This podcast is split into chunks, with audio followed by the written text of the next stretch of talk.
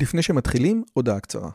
אם אתם אוהבים את הפודקאסט הזה, אתם כנראה אנשים ממש מיוחדים ומרתקים. אז אם בא לכם לפגוש עוד אנשים כמותכם, וגם אותי, וגם את רלי, אנחנו עושים מפגש עוקבים שלישי.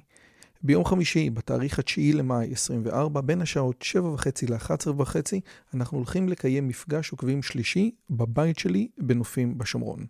מה בתוכנית? מינגלין וכיבוד עם עוד עוקבים מרתקים כמוכם, הרצאה שלי, דיון לגבי הערוץ, ציור בסטודיו ובסוף קומזיץ ופיתות על הסאג'. הרשמה מראש היא חובה וניתן לעשות את זה בקישור שבתיאור הערוץ או לחפש את הלינק ביוטיוב. נשמח מאוד מאוד לראות אתכם. ועכשיו, לשיחה.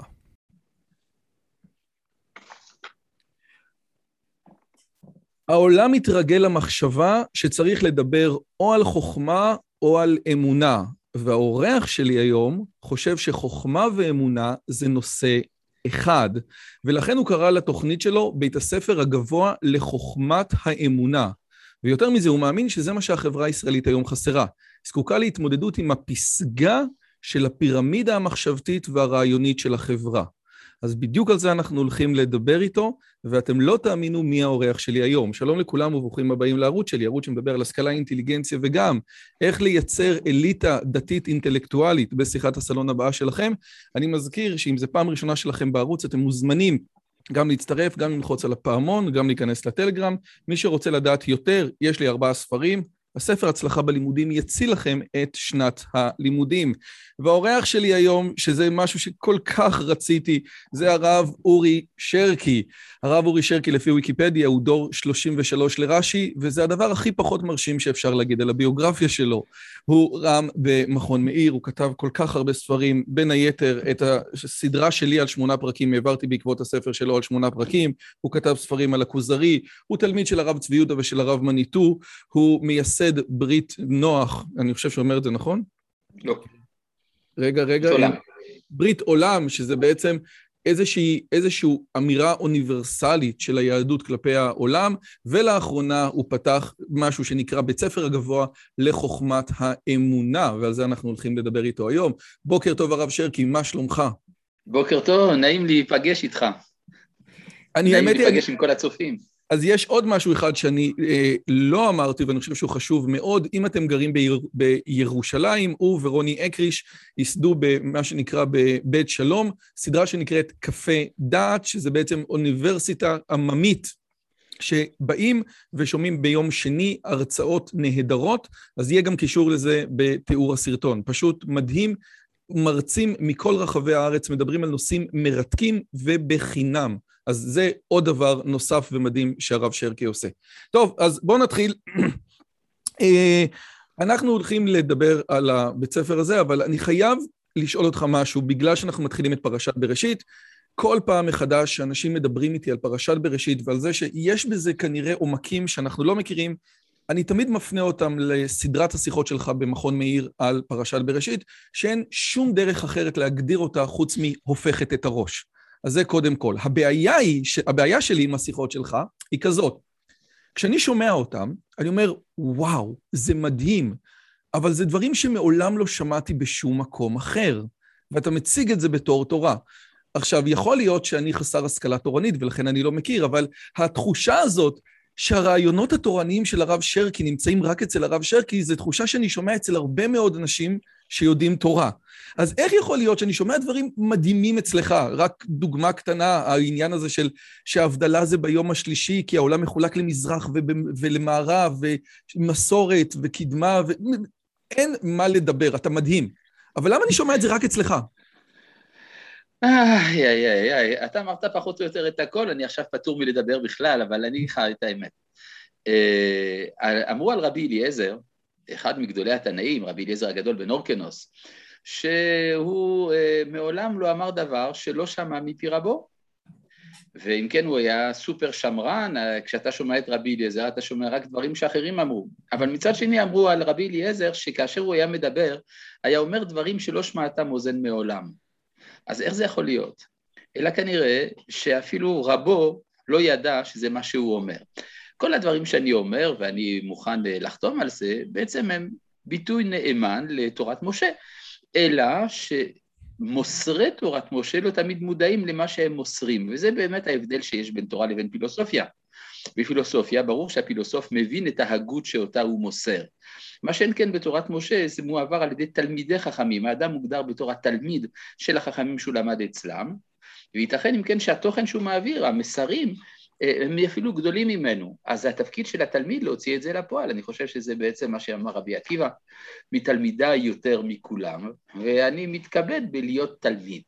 וזה, אני חושב, קצת עונה על השאלה שלך. אוקיי, אז, על זה מיכאל אברהם... רגע, מה קורה אצלנו פה?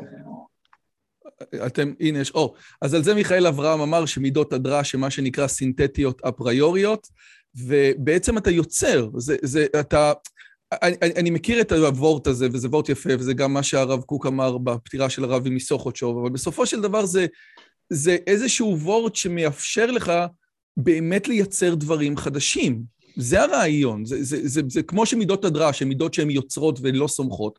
אתה מייצר דברים שמעולם לא שמענו. העובדה שאתה אומר, תקשיב, אני לוקח את זה, אני שומע דברים מרבותיי, גם, גם הרבנים שלך בעצם, גם הדורות הקודמים, לא ידעו מה יש. וכשאנחנו אומרים לצורך העניין, כן, אבל זה היה חבוי בתוך התורה שלהם. תראה, המטאפורה של הגרעין והאילן, אני חושב שזה דבר די פשוט. אבל אה, בסופו של דבר, אה, הרי התורה אומרת במפורש, כאשר יש לך איזה ספק, משהו, איזו שאלה, אתה הולך אל השופט אשר יהיה בימים ההם. אה, לכאורה זה לא מובן בכלל, מה זאת אומרת ללכת לשופט אשר יהיה בימים ההם, יש לך ברירה? אתה לא יכול ללכת לשופט של הדור הקודם. אלא הכוונה שבין השופטים שעומדים לרשותך בדור, אתה צריך ללכת לשופט שנמצא בדור. כלומר, זה שמבין באיזה תקופה הוא חי. הרי אה, תורה היא חייבת להיות תורה שמחיה מתים. אם זו תורה שלא מחיה מתים, אז זה היה אומר אין תחיית המתים מן התורה, התורה שלו לא מחיה מתים. אז אה, אדם כזה כבר בעצם מדבר על משהו אה, מאובן, משהו שאולי התאים בדור מן הדורות, אבל לא מתאים לדור הזה. זה מה שאמר רבי נחמן מברסלב, אמר דבר מאוד יפה, שצדיק ורע לו זה צדיק שאין הלכה כמותו. איך זה יכול להיות שהוא צדיק וגם אין הלכה כמותו? פשוט מאוד. הלכה כמותו בדור אחר. הוא לא הבין מהם הצרכים, מהם הקריטריונים של הצדקות האופייניים לדור שלו. ואני חושב שזה בעצם מה שאתה כל כך מתפלא, שאני אומר חידושים, הייתי אומר שזה המחויבות של התורה שבעל פה. התורה שבעל פה איננה צילום של איזושהי מסורת קפואה, אלא אדרבה, היא נותנת לנו את הכלים. הכלים הדרשניים, כפי שאתה ציינת בשם 13 מידות שהתורה נדרשת בהם, שגם מיכאל אברהם זכר אותם, ושעניינם בעצם ללמד אותנו כיצד בכל דור ודור למצוא את הדרכים להביא את דבר השם אל המציאות, אני חושב שזה דבר פשוט ומובן מאליו. אז. אה, אגב, מי שחושב, מי שרוצה להבין עד כמה הרב שרקי לוקח את זה חזק, אז אני חושב שבאחת השיחות האחרונות שלך, אתה מדבר על זה שאולי הרעיון של שנת שמיטה היום זה דווקא לעבוד את האדמה.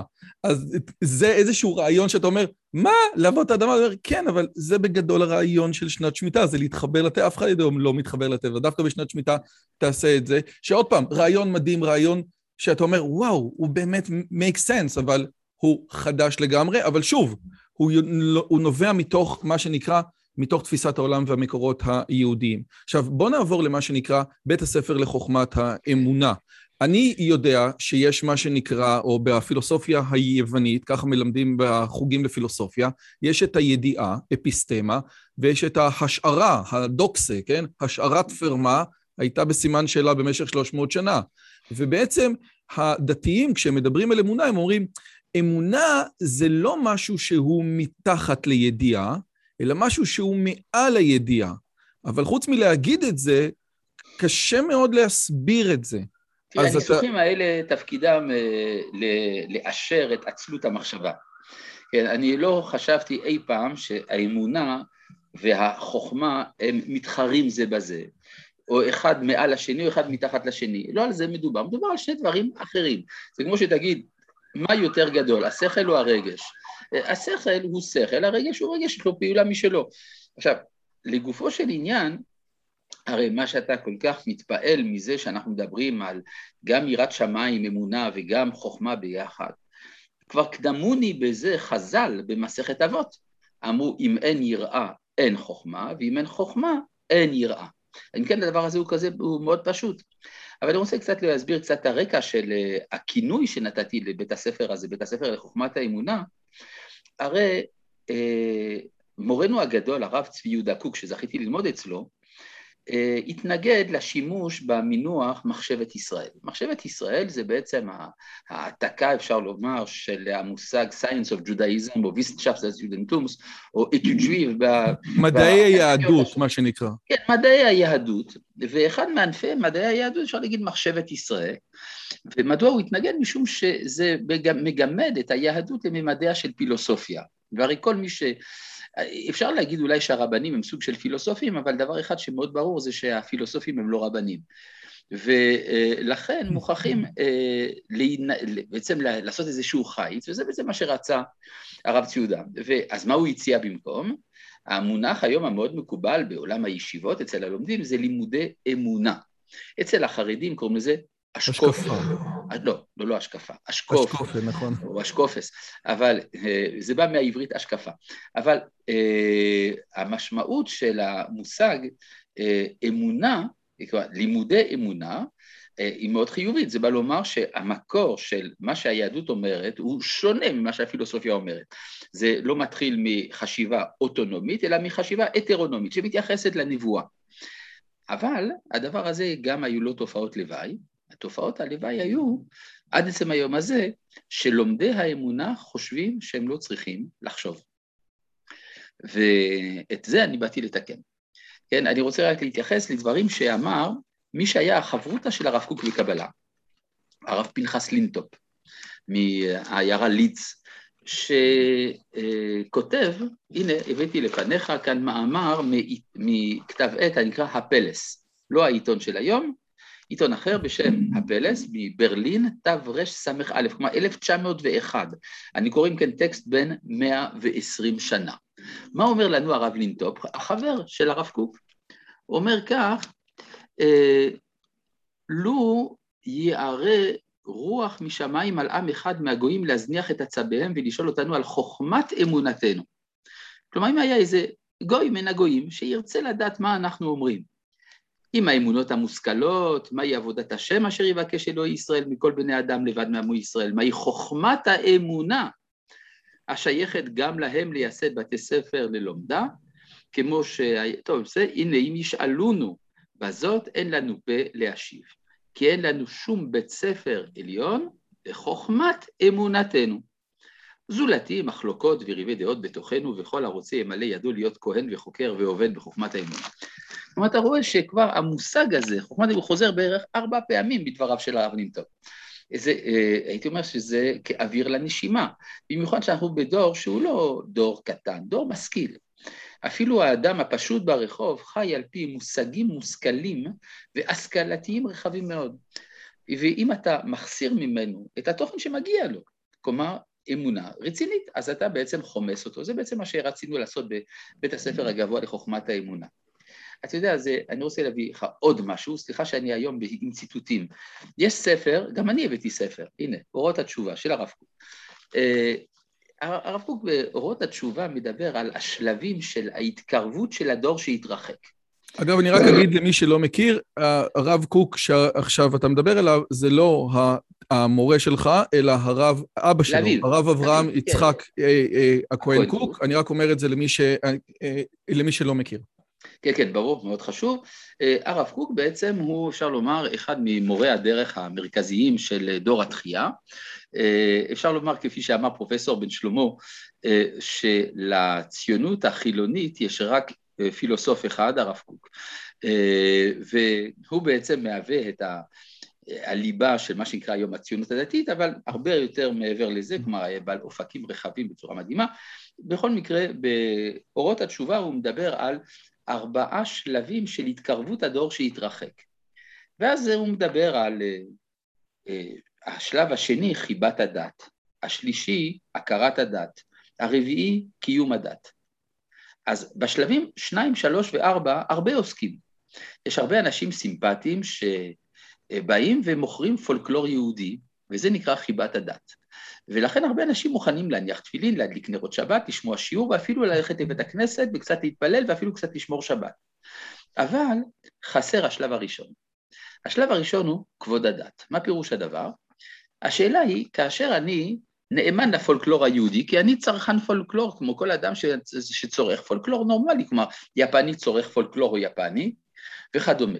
אבל אני שואל את עצמי, כאשר אני צורך את הפולקלור הזה, האם אני, אה, איפה אני מניח, אפשר לומר, את היסודות של התרבות? כלומר, מה הם הקריטריונים הבסיסיים של האידיאולוגיה, ואותם אני לא מוצא ביהדות, אני מוצא בבית המשפט העליון, במכון הישראלי לדמוקרטיה, במכון ון ליר ועוד בכמה מקומות, שבהם, שם אני מכיר את, אה, אפשר לומר, את ערכי היסוד של האמנה החברתית בישראל.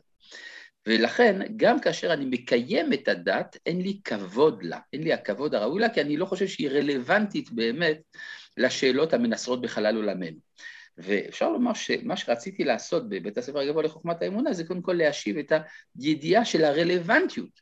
אנחנו רלוונטיים בעולם, יש איזו אג'נדה, כמו שלמשל כבר ספינוזה הבחין בזה, שהיהדות היא חוקה מדינית. כלומר, אם זה חוקה מדינית, אז יש אג'נדה מדינית. אתה יודע, לפעמים שואלים אותי, מדוע הרבנים עוסקים בפוליטיקה? אני מכיר את השאלה הזאת. אז אני תמיד עונה, אז במה הם יעסקו? כלומר, הרי אם אנחנו מדברים על תורה, אז לתורה יש תוכנית מדינית, ואותה היא צריכה אה, לבוא לידי ביטוי. אז זה צריך להיות רציני, כן. אז הנה, האמת היא, אתה יודע, בדרך כלל אני יותר מפריע, אבל בכל אופן, דיברת על כבוד הדת, אז אני אעשה פה כבוד הדת. אה, אז קודם כל, לגבי... שנייה רגע, רועי, אפשר, כן. זה מוקלט, נכון? זה לא משודר ישיר, אני צודק, נכון? זה מוקלט, כן. אז אני הייתי רוצה אולי לחדד איזושהי שאלה לפני שאתה עובר להיכנס לכבוד הדת, בסדר? Okay. אני רוצה לשאול את הרב, האם יש כאן איזשהו אה, אה, חיבור בין אה, המורה הנבוכים ששם בראשית את עניין החוכמה, לבין הכוזרי ששם בראשית את עניין האמונה דרך עולם ההיסטוריה, דרך אה, תהליך ההיסטורי? אני מציע שת, שתניח לעורך את האפשרות לשאול את השאלות.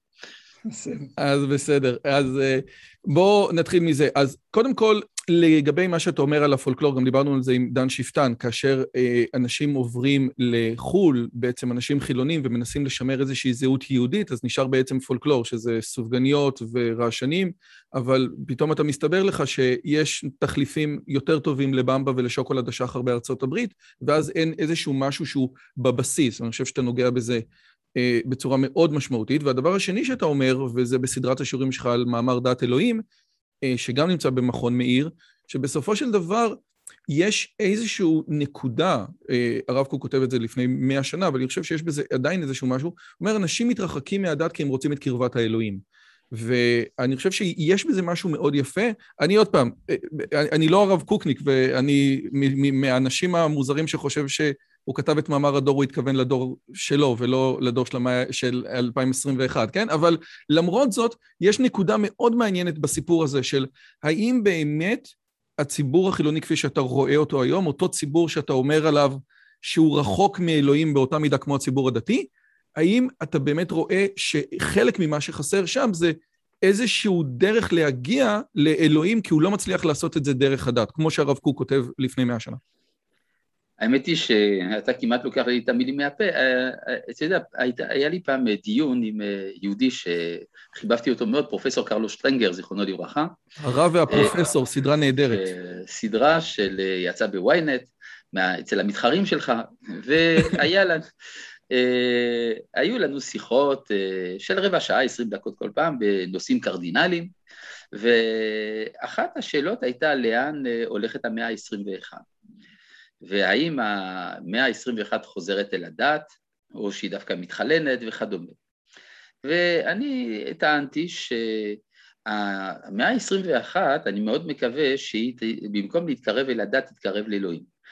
כלומר, אפשר לומר שהדת בצורה שיכולה להתגבש בתוך הנפש, עשויה לחסום את המפגש עם האינסוף. אתה יודע, יש על זה ספר נפלא בתנ"ך, קוראים לו ספר איוב. לא תמיד שמו לב למה שקורה שם. הרי איוב הוא אדם מסודר. יש לו שבעת אלפי צאן, שלושת אלפי גמלים, חמש מאות צמד בקר, חמש מאות צמד אתונות, הוא אדם עשיר מאוד. חוץ מזה יש לו עשרה ילדים, שבעה בנים, שלוש בנות, וחוץ מזה יש לו גם אלוהים. האלוהים שלו מסודר, מקבל קורבנות כל שבוע. אז אם כן, כולם מסודרים. אז את מי הוא לא מכיר? את הקדוש ברוך הוא. זאת אומרת, הוא בנה לעצמו עולם דתי מאוד מאוד מסודר, מאוד שבלוני, צודק ויפה ומוסרי.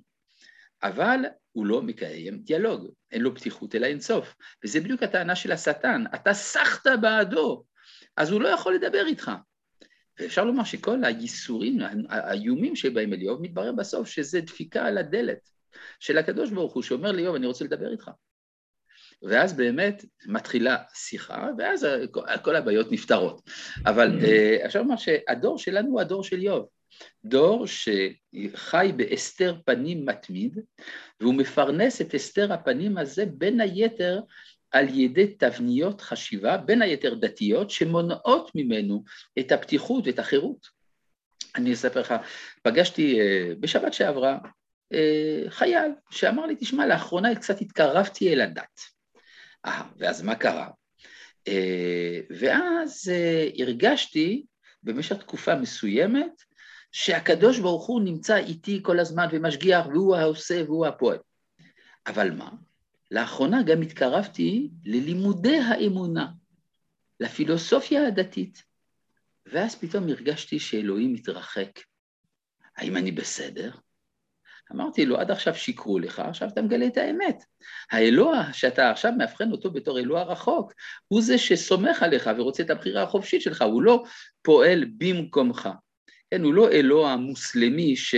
הוא זה שמחליט על הכל. ואני חושב שאנחנו באמת בעידן שבו השאלות הגדולות נשאלות, אפילו יש שבירת ערכים, יש הפוסט-מודרניזם וכדומה, ממל, ממלאים תפקידים מאוד חשובים. השבירות האלה הן חשובות כי הן מאפשרות לנו בעצם לפתוח עולמות חשיבה חדשים, עולם של חוויות אה, אה, חדשות.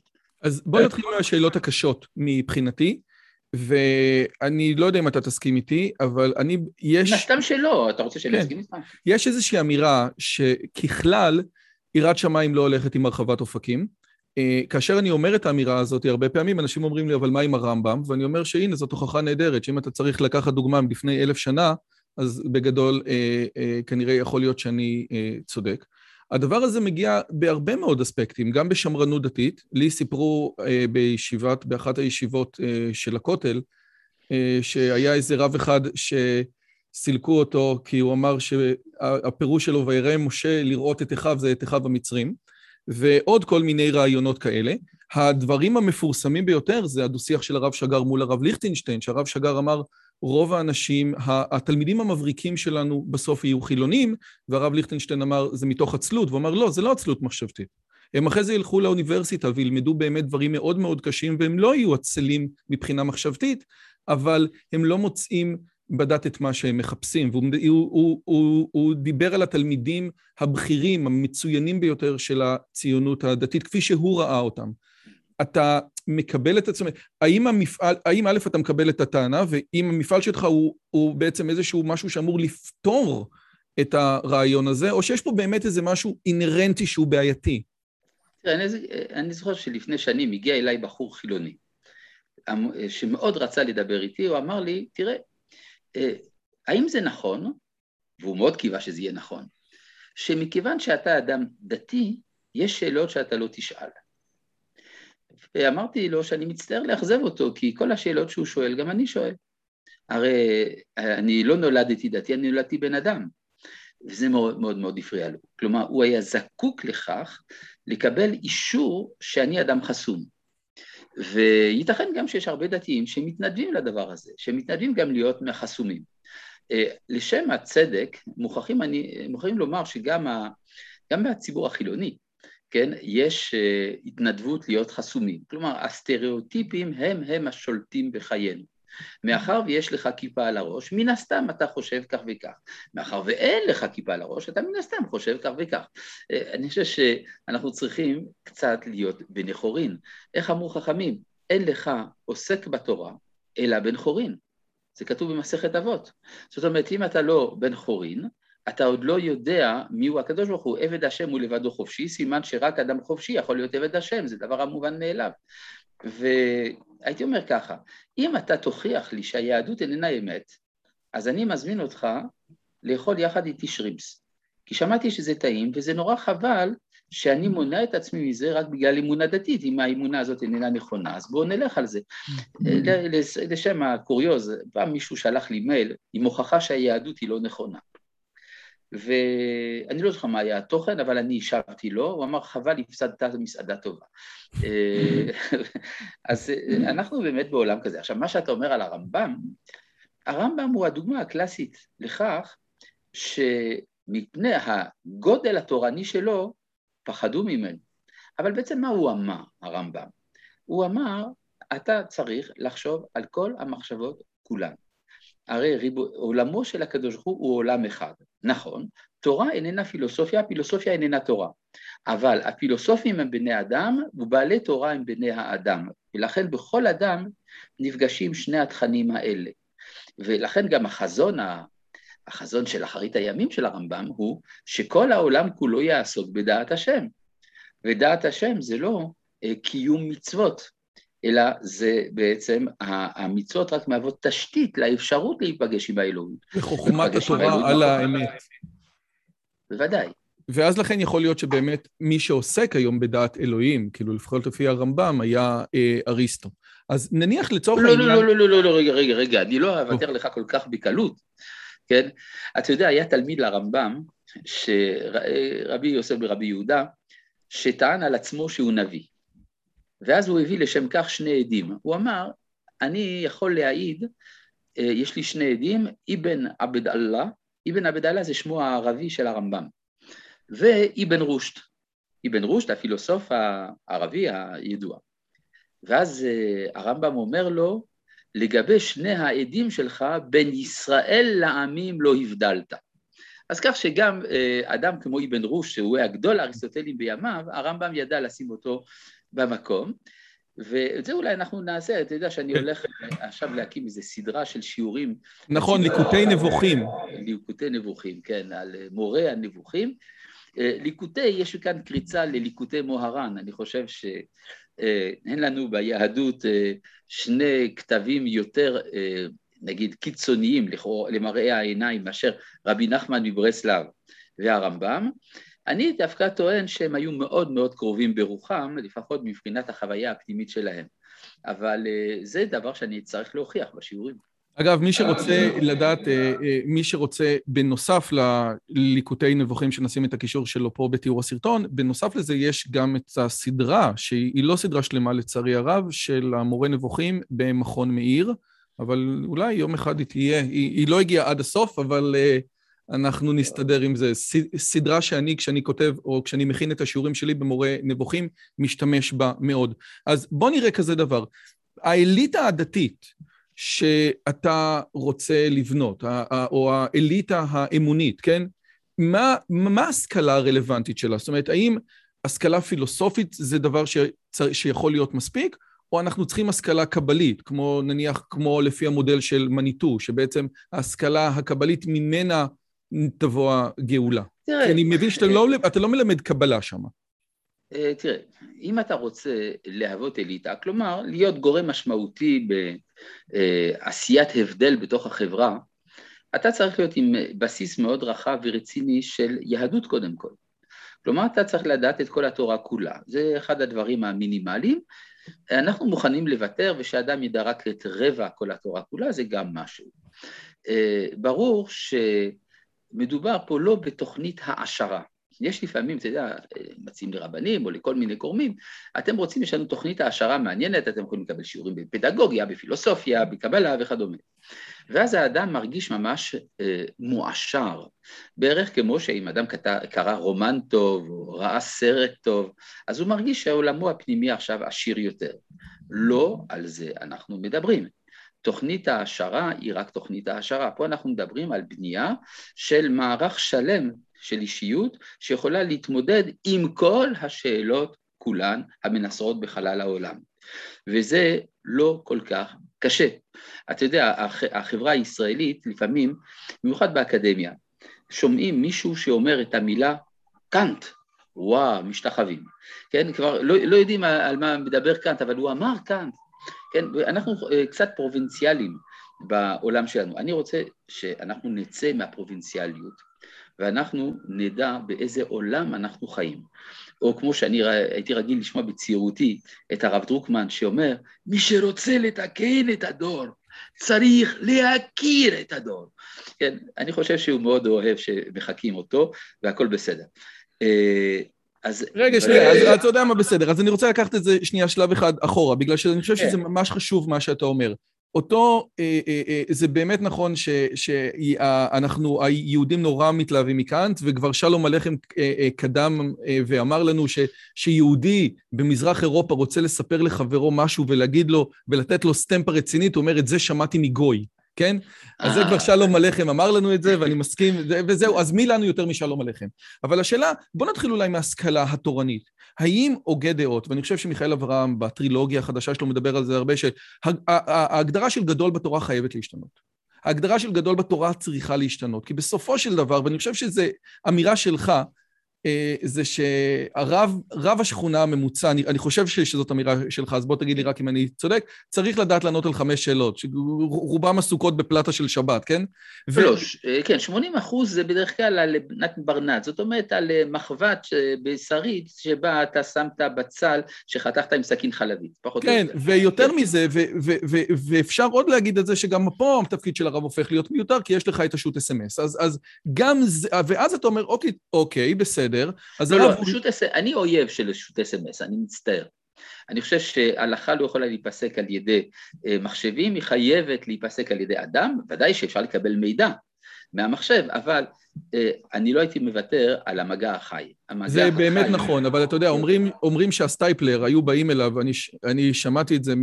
מ איך אומרים, מאחד שיודע, שהיו באים אליו ו, ואומרים לו, האתרוג הזה כשר, הלולב הזה כשר, הוא היה זורק אותם, אומר, לך תלמד משנה ברורה, מה אתה שואל אותי את השאלות האלה? הנה, זה כתוב. אז נניח שאפילו שו"ת אס.אם.אס זה איזשהו, איזשהו רפרנס למה שאתה צריך לקרוא במשנה הברורה, כן, כן. בסדר? אבל הנקודה היא שבסופו של דבר, התפקיד של הרב משחק משהו אחר לגמרי, ויותר מזה, גדול בתורה, יכול להיות שגדול בתורה זה לא מי שיכול לעשות את מבחן הסיכה היום על ש"ס בדפוס וילנה או בדפוס ורשה, אלא מישהו שבאמת יכול לבוא ולתת את ה... איך אומרים? לחבר את, ה, את עולם התלמוד, את העולם היהודי למציאות שלנו. ואז יכול להיות, ואז השאלה נשאלת, האם מי שלא מכיר, מי שלא עבר על, אה, על הבבלי והירושלמי, ראשונים ואחרונים, האם הוא יכול להיות חלק מתוך האליטה האינטלקטואלית, או שצודקים החרדים, ועד שלא עברת, איך אומרים, על, ה, על הקלאסיקות, כן? זה לא רלוונטי. אתה תמיד תהיה חסר. אתה יודע שהמקובלים אומרים שאסור לפסוק הלכה אם לא למדת קבלה. זאת אומרת שאם אתה כבר טוען שהחרדים אולי צודקים בזה שהם אומרים שצריך לעבור על הש"ס, ברור שצריך לעבור על הש"ס, אבל לא מספיק לעבור על הש"ס. כלומר, הש"ס בא מתוך הנחת יסוד שאתה יודע את התנ"ך. זה גם, גם שכחו. כלומר, אה, והש"ס הוא בעצם הרחבה של הליבה הפנימית של הזהות היהודית. הליבה הפנימית של הזהות היהודית לא, לא חיכתה לרבינה ורב אשי, היא תמיד הייתה קיימת, ורבינה ורב אשי הוסיפו מה שיש להוסיף. אבל אני רוצה להגיד לך משהו, אתה יודע, כל מה שאתה מדבר פה על ההשכלה, ושמעתי מגוי וכדומה, זה מזכיר לי את, את, את כל, ה, כל העולם הפנימי של מזרח אירופה. מזרח אירופה היה עולם יהודי, עשיר מאוד אמנם, חסידים, מתנגדים, משכילים, מתבוללים, כל מה שאתה רוצה, אבל בסופו של דבר זה עולם שחי בחוסר אחדות, במאבק מתמיד. וזה העולם של מזרח אירופה עבר בירושה לעולם הישיבות, ובמידה מסוימת גם לאקדמיה, כי האקדמיה מתכתבת עם הישיבה בתור ניגוד. אה, הבעיות האלה לא היו קיימות במערב אירופה, ואני חושב שצריך לחזור אל משהו מעין היהדות של מערב אירופה, וגם צפון אפריקה כלולה בזה, יהדות שלא ידעה מתחים. מי זה היהדות של מערב אירופה? הרש"ר היר? למשל, הרש"ר היר, רבי דוד נטו, הרב אליהו בן המוזג, שד"ל, ועוד רבים כאלה שהיו גם בעלי השכלה תורנית וגם בעלי השכלה כללית, ולא הרגישו אפילו שהם מאחדים עולמות, העולמות היו מאוחדים אצלם מלכתחילה.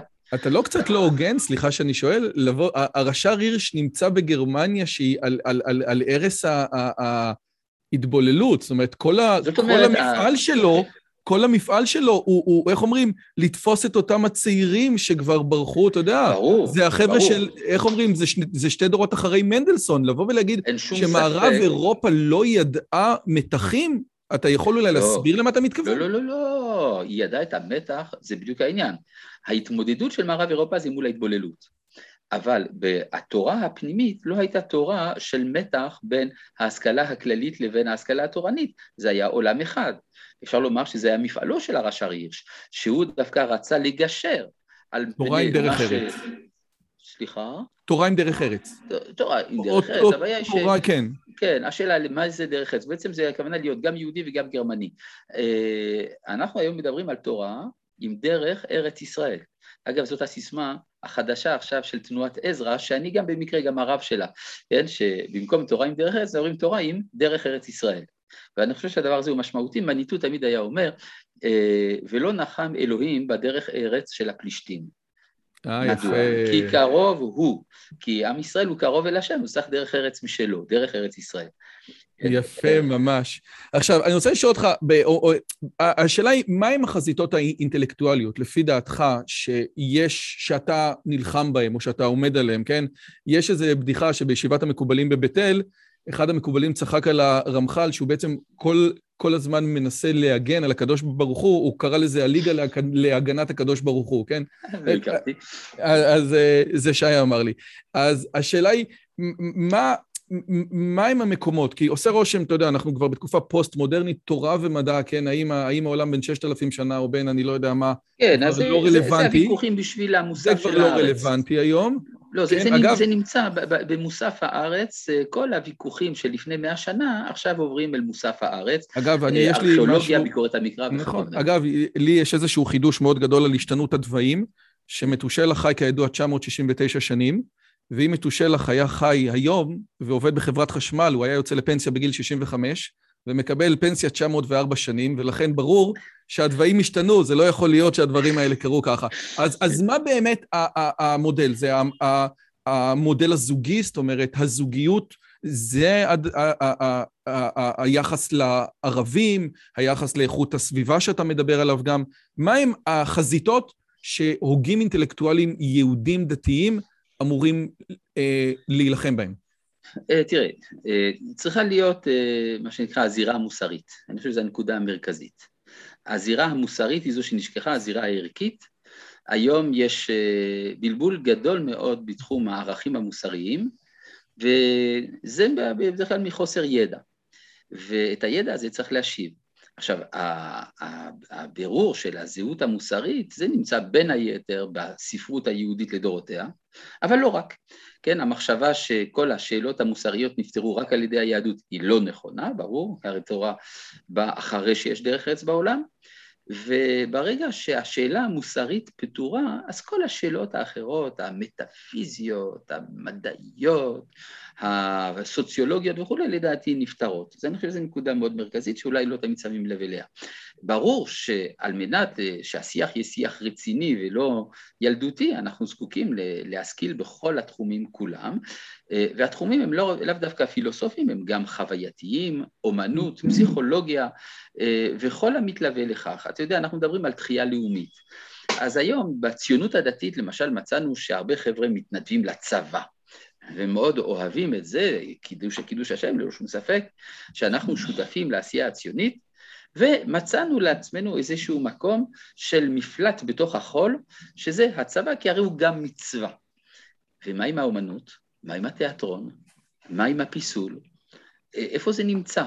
כן, השאלה האם באמת יש יצירה, הרי הרב קוק גם, גם כן בעצמו הסביר שאי אפשר לתחייה לאומית אמיתית שאיננה מלווה ביצירה אומנותית, זאת, זה הסימפטום.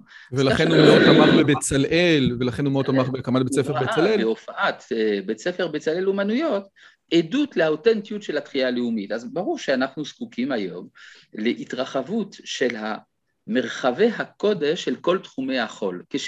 כשכאן אפשר לטעות, שהכוונה לשים מזוזה ולשים כיפה על גבי הציונות. לא על זה מדובר. מדובר על חשיפת מה שאנחנו מדברים הקדושה שבטבע.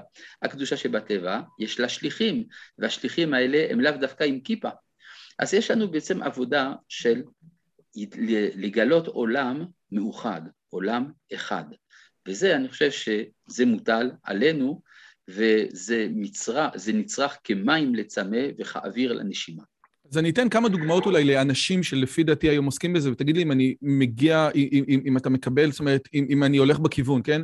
זאת אומרת, יכול להיות שאנחנו מדברים על מצד אחד אנשים עם השכלה תורנית רחבה, שעובדים במקצועות לא רבניים. אני אתן פה אה, שלוש דוגמאות. נניח אסף מלאך, שיש לו השכלה אה, והוא הוא, הוא כותב הגות מדינית, שבין היתר מגיעה מתוך רקע של תורה, יהודה יפרח ודאי, אלחנן ניר, שהוא אה, רב רציני מאוד, שעוסק בין היתר בתוך, בתור עורך המוסף תרבות של עיתון מקור ראשון, מוסף שבת. זאת אומרת, אלה בין היתר הדבר, האנשים שיש לך בראש, שאתה אומר, הנה, יש פה אנשים שידם רב להם ב, ב, בעולמות התורה, אבל הם לא זרים בכלל. זה לא לקחת שיר ולשים עליו בסד, כן? אמרת פעם משהו מדהים, שההבדל בין, שפעם צחקו על בר אילן, שההבדל בין אוניברסיטה דתית לחילונית, שבאוניברסיטה חילונית 2 ועוד 2 זה 4, ובאוניברסיטה דתית 2 ועוד 2 בעזרת השם זה 4. ואז חידדת ואמרת, לא, באוניברסיטה הדתית יודעים ש-2 ועוד 2 זה 4 כי זה בעזרת השם.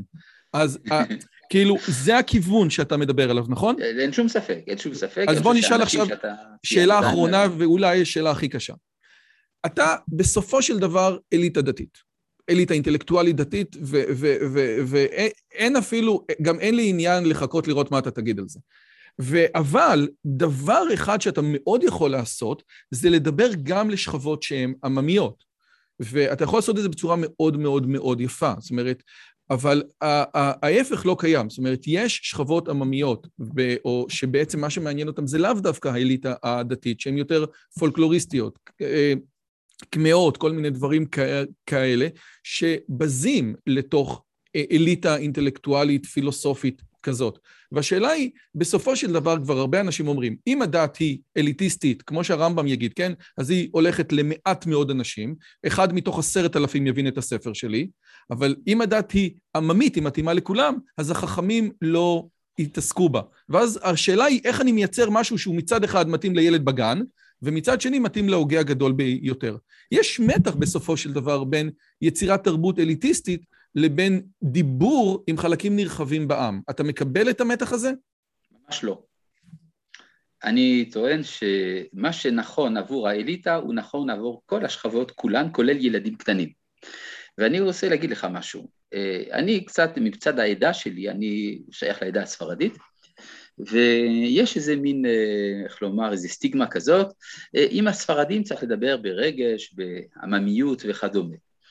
ואני רוצה להגיד לך שתמיד, כשאני מדבר עם כל ציבור שהוא, אני מדבר את אותם הדברים שאני אומר בכל זירה ובכל מרחב אה, של אינטלקטואלי. הדבר היחיד שאני דואג לו זה המינוח. כלומר, ייתכן שיש מילים שמובנות רק בזירה מסוימת, לא מובנות בזירה אחרת, אז אותן צריך להסביר. אבל התוכן העצמי הוא אותו התוכן ממש. ואני רוצה להגיד לך משהו. אני שמתי לב שלספרדים יש אה, חיסרון, שהם בדיוק כמו כולם, רק שיש להם אמונת חכמים. אז כשהם שומעים שהרבנים אומרים דברים אה, רדודים, אה, דברים של רב שכונתי בינוני ומטה, אז הם מאמינים שזה מה שהתורה אומרת, כי זה מה שהרבנים אמרו.